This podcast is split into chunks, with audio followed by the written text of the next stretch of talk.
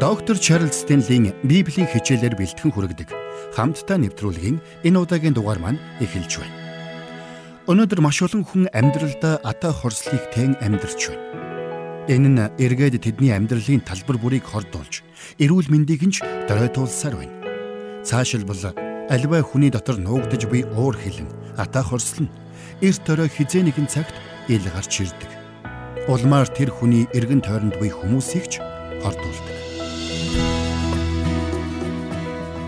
Тэгвэл өнөөдөр доктор Стенли бидэнд Израилийн анхны хаан Саулын амьдралаар дамжуулаад нэгэн чухал сургамжийг өгч байна.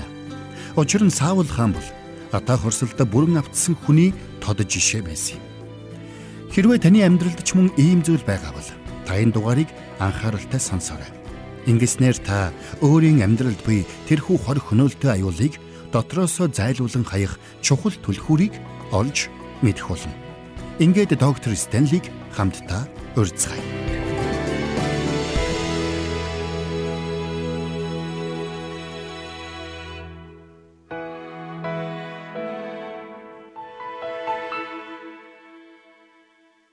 Та хизээ нэгэн цагт хин нэгэн хүнд уурлан хорсож байсан уу? Хэрвээ тийм бол би танд нэгэн зүйлийг хэлмээр байна. Ата хорсолд автсан хүний оюун бодол ямагт ямар нэгэн хор найруулж байдаг юм. Өшөө хорслоо тайлах гэж Тэд үргэлж ямар нэгэн муу зүйлийг төлөөлөж байдаг юм.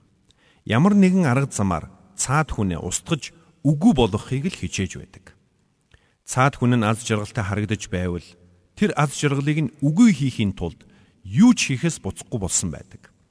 Гэтэл эцсийн нүндээ ийм хүн өөрөө өөрийгөө л хөнөөж байдаг юм. Нэгдүгээр Самуэль номонд ийм хүний тухай өгүүлсэн байдаг. Тэр хүн бол Саул хаан. Саул хаан Давидыг хөнөөхийг хичээж байсан ч эцсийн нүндээ өөрийгөө л хүнөсөн. Үнэн дээр зүрхэндээ хорсол тээж буй хүн тэр хорсол анх хаанаас үүснийг ч мэдэхгүй болчихсон байдаг юм. Саулч бас ийм байдалд орсон байсан. Тэр зөвхөн дайснаа л харж байсан юм. Харин тэр дайсан Давид байсан. Тэр Давидыг хөнөөхийн тулд төрсөн охиноо хүртэл ашиглахаас буцаагүй. Тэр Давидыг хөнөөхийн тулд филистчүүдийг ч ашиглахыг оролдож байсан юм. Та нэг зүйлийг маш сайн ойлгосоо гэж би хүсэж байна. Хэрвээ Саул хаан үнэхээр хүслээ биелүүлж дайны талбар дээр филистчүүд Давидыг хөнөөсөн байсан ч Саулын зүрх сэтгэл ата хорслоор дүүрэн хിവэрэл байх байсан. Учир нь Саулын гол асуудал анханасаа Давид байгаагүй юм. Эндээс та нэг зүйлийг ойлгосоо гэж хүсэж байна. Ихэнх тохиолдолд бид хин нэгэн хүнийг чичилж чамаас л бүх зүйл болсон. Чи л миний асуудал гэж хэлдэг. Гэвч үнэн хэрэгтээ тийм биш байдгийг. Энэ бол бид зүрхэндээ хуралдсан хорслоос болоод төөрөлдөж байгаагийн нэгэн илэрл юм. Гэтэл Библиэд үүнээс тис өөр зүйлийг хэлдэг. Саул Давид хоёрын харилцааг аваад үзэх юм бол Саул Давидыг бүх зүйлд буруутай гэж бодож байсан бол эсэргээрээ Давид ямар ч буруугүй хүн байсан юм. Гэвч Саул зүрхэндх хорслоосоо болоод төөрөлдсөн байсан. Тиймээс Саул Давидаас айж байсан. Хэрвээ бид тэр үед очиод Саулаас "Саула, та хэн нэгэнд хорсож байна уу?" гэж асуусан бол тэр "Тийм ээ" гэж хариулах байсан. Тэгвэл хинт хорсож байна гэж асуувал тэр юу гэж хариулах байсан болоо? Мэдээж Давидэд гэж хариулна. Тэр миний хаан тулсыг булаах гэж байна. Хаашаал харна тэр мүү Давидын нэр дурсагдж байна штэ гэж хэлэх байсан баг. Тэгвэл 1-р Самуэлийн 18:29-ыг харах юм бол Давидаас улам их айж ийхүү Саул Давидын үргэлжийн өстөн дайсан болжээ гэсэн баг. Саулын зүрхэнд байсан хорслол нь Саулыг өөрийг нь Давидын өстөн болгож хувиргасан юм. Эцэст нь Саул Давидыг хөнөхөр шийдсэн. Энэ бол Саул хорсолдоо бүрэн автсны илрэл байсан юм. Өөрөөр хэлбэл бидний зүрхэндх хорсол буцалсаар буцалсаар эцэст нь эргэж буцах замгүй нөхцөл байдал руу биднийг түлхдэг юм. Тиймээс ч Саул нэг л өдөр би Давидыг хөнөх болно гэж шийдсэн. Ингээд цаашаа 1-р Самуэлийн 19-р бүлгийн 9-с 10-ыг харах юм бол Саул өөрийн герт гартаа жад барин сууж Давид Саулын дэргэд өөрийн гараар босоо ятаг тоглож байтал эзнээс ирсэн муу сүнс Саулыг дайрав. Саул жадаар Давидыг хананд хатгах гэтэл Давид Саулаас бултсанд Саулын жад хананд зоогдов.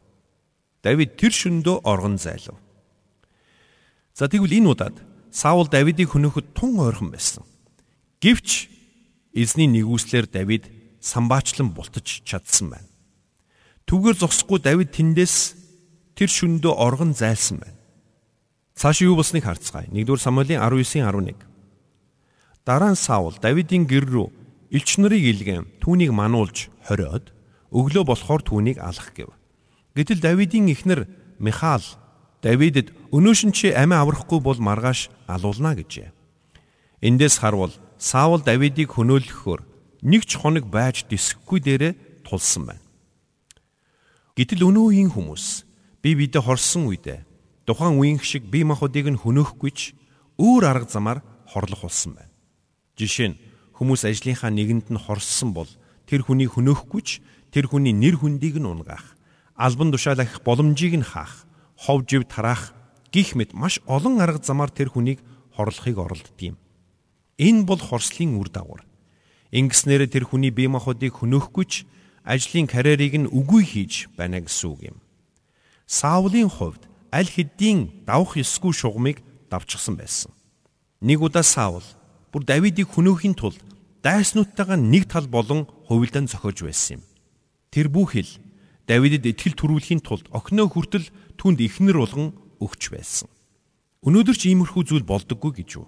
Өнөөдөр бидний эргэн тойронд ийм зүйл саа сайгүй болсоор байна бие биедээ хорсож үзен ядаж ус хонзонгоо авах гэж хүмүүс зүсэн бүрийн муу муухай арга залиудыг сэтгэж байна. Ямар ч арга замаар хамаагүй өшөөгөө авандаа түүнд хариуг нь заавал өгөндөө түүнийг би заавал сүрүүлнэ. Хүмүүс ингэж л хэлдэг. Гэхдээ ингэж хэлж байгаа хүмүүс бол зүрхэндээ хуралдсан хорсолдоо бүрэн автсан хүмүүс юм. Энэ тохиолдолд хорслол нь тэр хүний амьдралыг удирдах эхэлсэн гэсэн үг. Саулын хувьд тэр Давидыг заавал хүнөх болно гэж шийдсэн байсан. Хамтдаа 1-р Самуэлийн 20 дугаар бүлгийг нээгээд харъя. Энэ хэсгээс харвал Саулын хорсол хяналтаа бүрэн алдсан. Саулын хүү Йонатан бол хуучин гэрэндх хамгийн сэтгэл татам сайхан сэтгэлтэй залуугийн дүр байсан юм. Давид Йонатан хоёр эзэн дотор ах дүүс мэт дотн байсан. Гэтэл нөхцөл байдал хаашаа иргэснийг та хардаа 20 дугаар бүлгийн 30-аас 33-ыг харъя. Саул Йонатанд ихэд хэлгэнэн.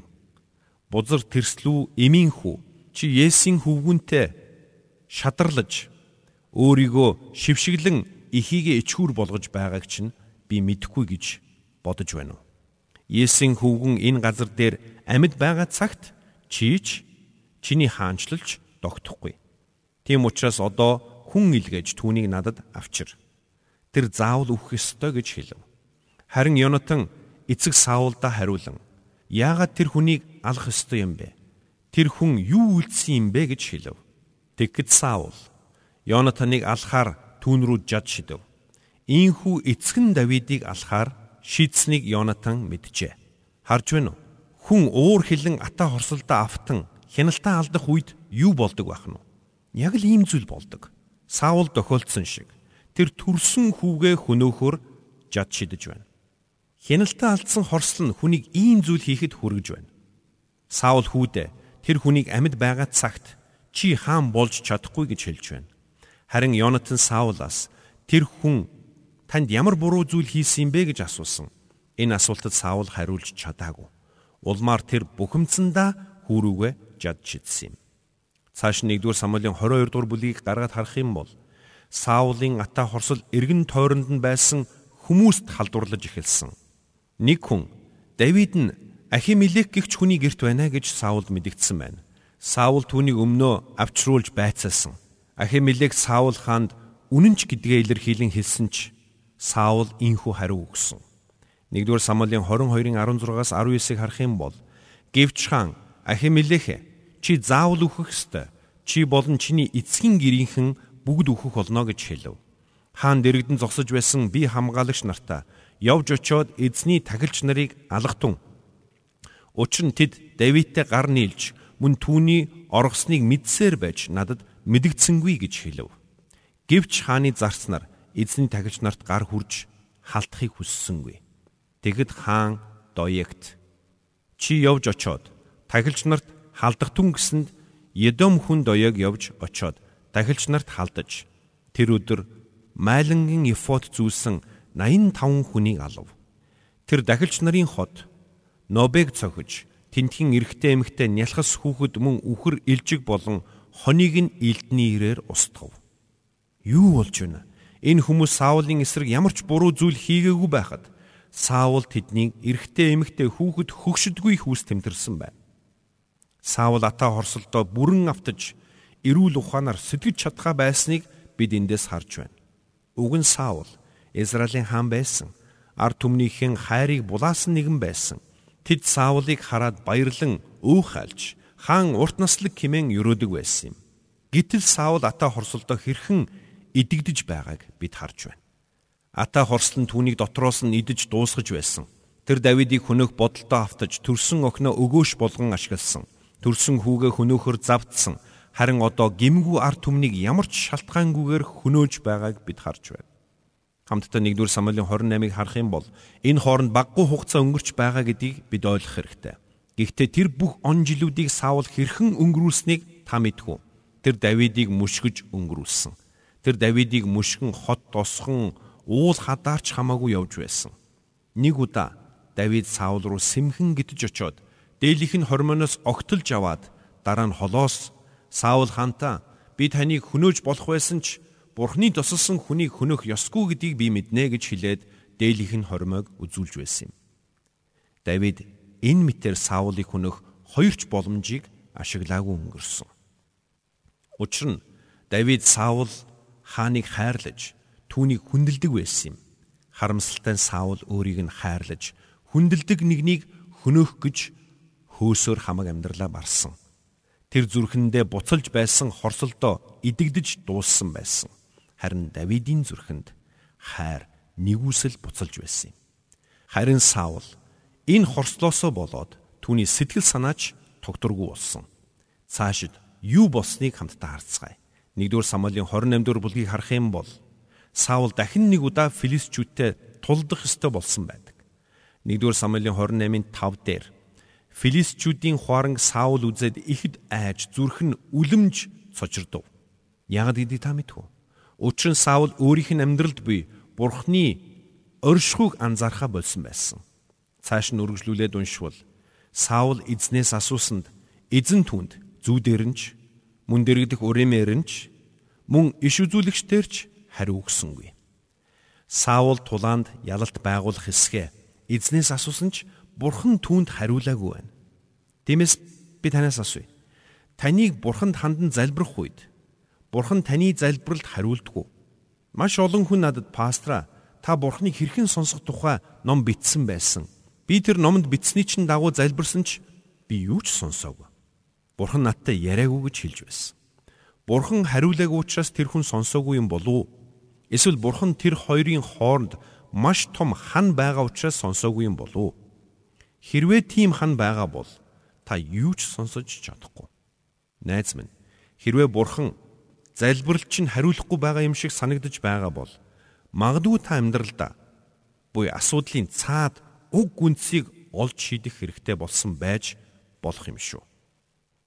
Харин ихэнх тохиолдолд тэр хортой үндэс нь бидний зүрхэнд буй хорсол байдаг юм. Бид бусдад хорсож, үзен ядаж байгаа цагт Бурханаас гуйлтынхаа хариултыг авна гэж байхгүй. Учир нь Бурхан ингэж ажилдаггүй юм. Саулч бас яг л ийм байдалд орсон. Тэгээд Саул юу хийсэн бэ? Хамтаа 1-р Самуэлийн 28-ын 7-ыг харъя. Тэгэхэд Саул зарц нартаа надад сүнс дуудагч имийг ирж олготун. Би түүнд очиж тэр имээс асууя гэв. Зарснаар нь Саулд Ендорт гэдэг газарт нэг тим юм бий гэлээ. Ингээд Саул Самуэлийн сүнсийг дуудуулж Бурхны үгийг Самуэлаас сонсхийг оролддог. Бид хорсолд автах үедээ бурханлаг бус хүмүүсийн зөвлөгөөг дагаж алдаа гаргадаг.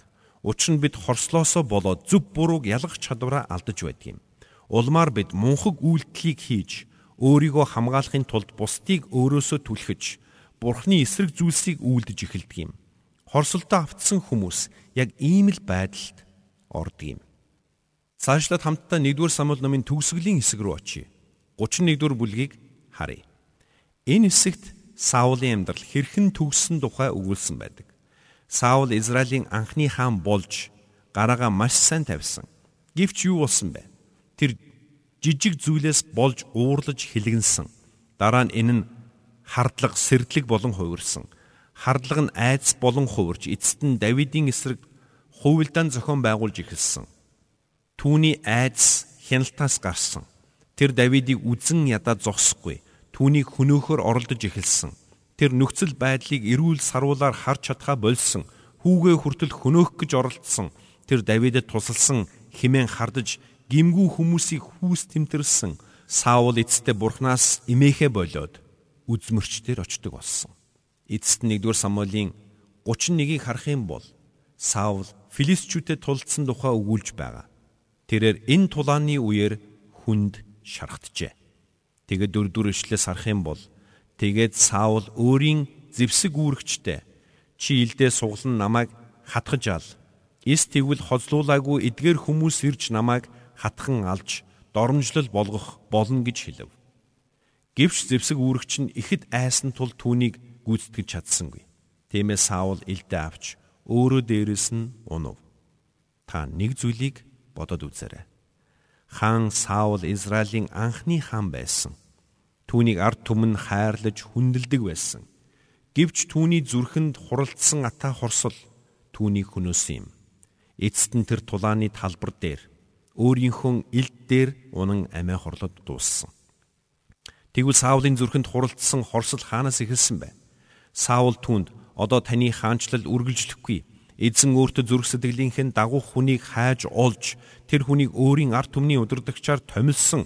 Учир нь танд эзний тушаасныг та сахин биелүүлсэнгүй химэн хэлэх үед түүний зүрхэнд хорсол хуралдаж эхэлсэн. Тэр угтаа бол бурханд хорсож эхэлсэн. Харин Давид Саулын бурханд хорссон хорслоо гаргах байн болсон юм. Бурхны үгийг дуулууртаа дагаагүй түүний хаанчлалаа алдах шалтгаан нь болсон. Эндээс та нэг зүйлийг ойлгох хэрэгтэй. Бидний хувьд би бурханд хорсож байна гэж шууд хэлнэ гэдэг хэцүү. Тиймээс бид яадаг вэ? Бид энэ хорслоо өөр хэн нэгэнд гаргаж эхэлдэг юм. Тэр хүнд хамгийн муу мухагаараа хандаж эхэлдэг. Өөрөөр хэлбэл зарим тохиолдолд бидний дотор төрж буй хорслын шалтгаан нь цаад хүндээч биш, харин бурханд хорссон бидний зүрх сэтгэлд оршиж байдаг юм. Тэгвэл та ийм байдалд орж байсан уу? Зарим хүмүүс надаас зөвлөгөө авахар ирэх үед би нэг л зүйлийг олж хардаг. Тэгээд тэдэнд уучлаарай. Та өөрөө бурханд хорсоод байгаад л гол асуудал оршиж байгаа шүү дээ гэж хэлдэг. Ингэж хэлэхээр тэдний ихэнх нь үгүй би бурханд хорсоогүй гэж хэлдэг. Учир нь тэд үүнийгээ ч мэдгүй явж байдаг юм. Гэвч зарим тохиолдолд бидний хэн нэгэн хүнд хатуу хандаж байгаагийн шалтгаан нь бид бурханд уурлаж хорссонтой холбоотой байдаг юм. Үнэн дээр алдаа гаргадаггүй, бүдэрдэггүй хүн гэж үгүй. Саул хаан ч алдаа гаргасан. Тэр бурхны зүрх сэтгэлийн дагуу хүн болох Давидын эсрэг хорсон тэмцснээрээ өөрийгөө хөнөөсөн. Гэтэл түүний энэ тэмцэл Давидыг улам агуу болгосон юм. Хуучин гэрэн дэх маш олон агуу дууллуудыг Давид зохиосон. Гэхдээ эдгэрийн ихэнхийг нь тэр Саулаас зүгтэн нүгдэж явахтаа зохиосон байдаг юм. Эндээс бид нөхцөл байдалд хоёр өөр өнцгөөс хандсан хоёр хүнийг харж байна. Нэг нь асуудалд буруугаар хандсан, нөгөө нь зүгээр хандсан. Давид өөрөө ямар ч гимгүү атлаас Саулын ата хорслын бай болсон. Гэхдээ тэр хариуд нь хорсоогүй. Харин зөв хариу үйлдэл үзүүлсэн. Саулын үйлдэл Давидыг зан чанарын хувьд улам хүчрхжүүлж, түүний сүнсийг батжуулж, Бурхны өмнө улам бүр үнцэнтэй нэгэн болгож хувиргасан юм. Тиймээс би танд хэлье. Хэрвээ та хэн нэгний ата хорслын бай болсон бол хариуд нь бүү хорс харин бурханд талрах. Бурхныг магт. Тэр хүн танд яаж ч хандсан. Бурхан таны амьдралд хийх ёстой зүйлээ хийх болно гэдэгт та итэг. Бурхан Давидэд хандсан шиг танд бас тийхүү хандах болно гэдэгт итэг. Тэгвэл таны дотор хэн нэгэнд хандсан хорсол байгаа бол та ямар хариу үйлдэл үзүүлэх вэ? Би танд хэлж өгье. Та тэмдэглээд аваарай.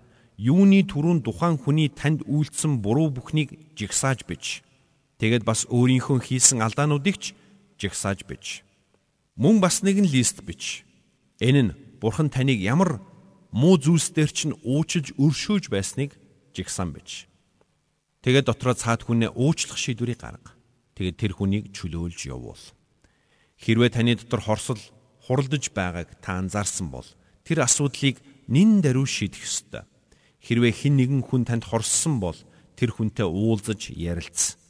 Тэр хүнээс уучлалт гуй. Цаад хүн чинь ямар ч хариу үйлдэл үзүүлсэн байх хамаагүй. Та өөрийнхөө зүгээс хийх ёстойгоо заавал хий. Үлдснийг нь бурхан хийх болно. Найз минь, ата хорсол амьдралыг чинь сүрүүлэхийг та бүү зөвшөөрөөрэй. Уучлал гэдэг бол бидний гомдоосон хэн нэгнийг үзен ядах эрхээсээ татгалзах явдал юм. Химэн нэгэн мэрэгэн хүн хэлсэн байдаг. Тэгвэл доктор Стенли өнөөдөр бидэнд амьдралаасаа ата хорслыг зайлуулахын тулд зүрхэндээ уучлалыг тээх нь ямар чухал болохыг санууллаа. Учир нь уучлал бидний дотор буй ата хорслын түймрийг унтраах ус болдог. Тиймээс эзэн Есүс өөрөө ч уучлалын тухай олондоо сургаж байсан юм. Лук номын 6 дугаар бүлгийн 33-аас 37 дугаар ишлэлд Есүс ийхүү сургасан байна.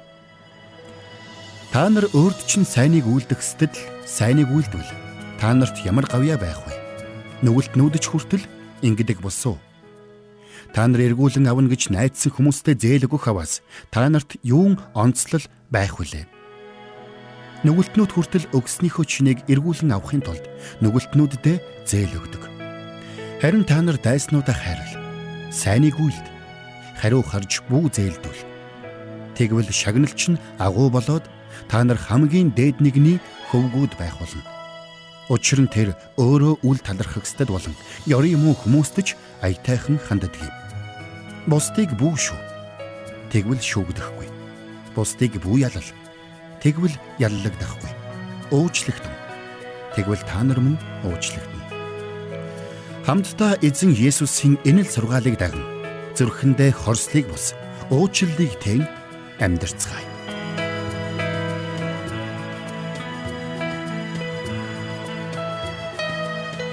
Бурханд тэмүүлсэн сэтгэл хүмүүсийг энэрх зөрхөөр амьдрахад туслах номлогч доктор Чарлз Стенлигийн хамттай нэвтрүүлэг сонсогч танд хүрлээ. Нэвтрүүлгийг дахин сонсохыг хүсвэл ихтгэл радиоцик.com-оор зочлоорой. Бидэнтэй холбогдохыг хүсвэл 8085 99 тэгтэг дугаард хандаарай.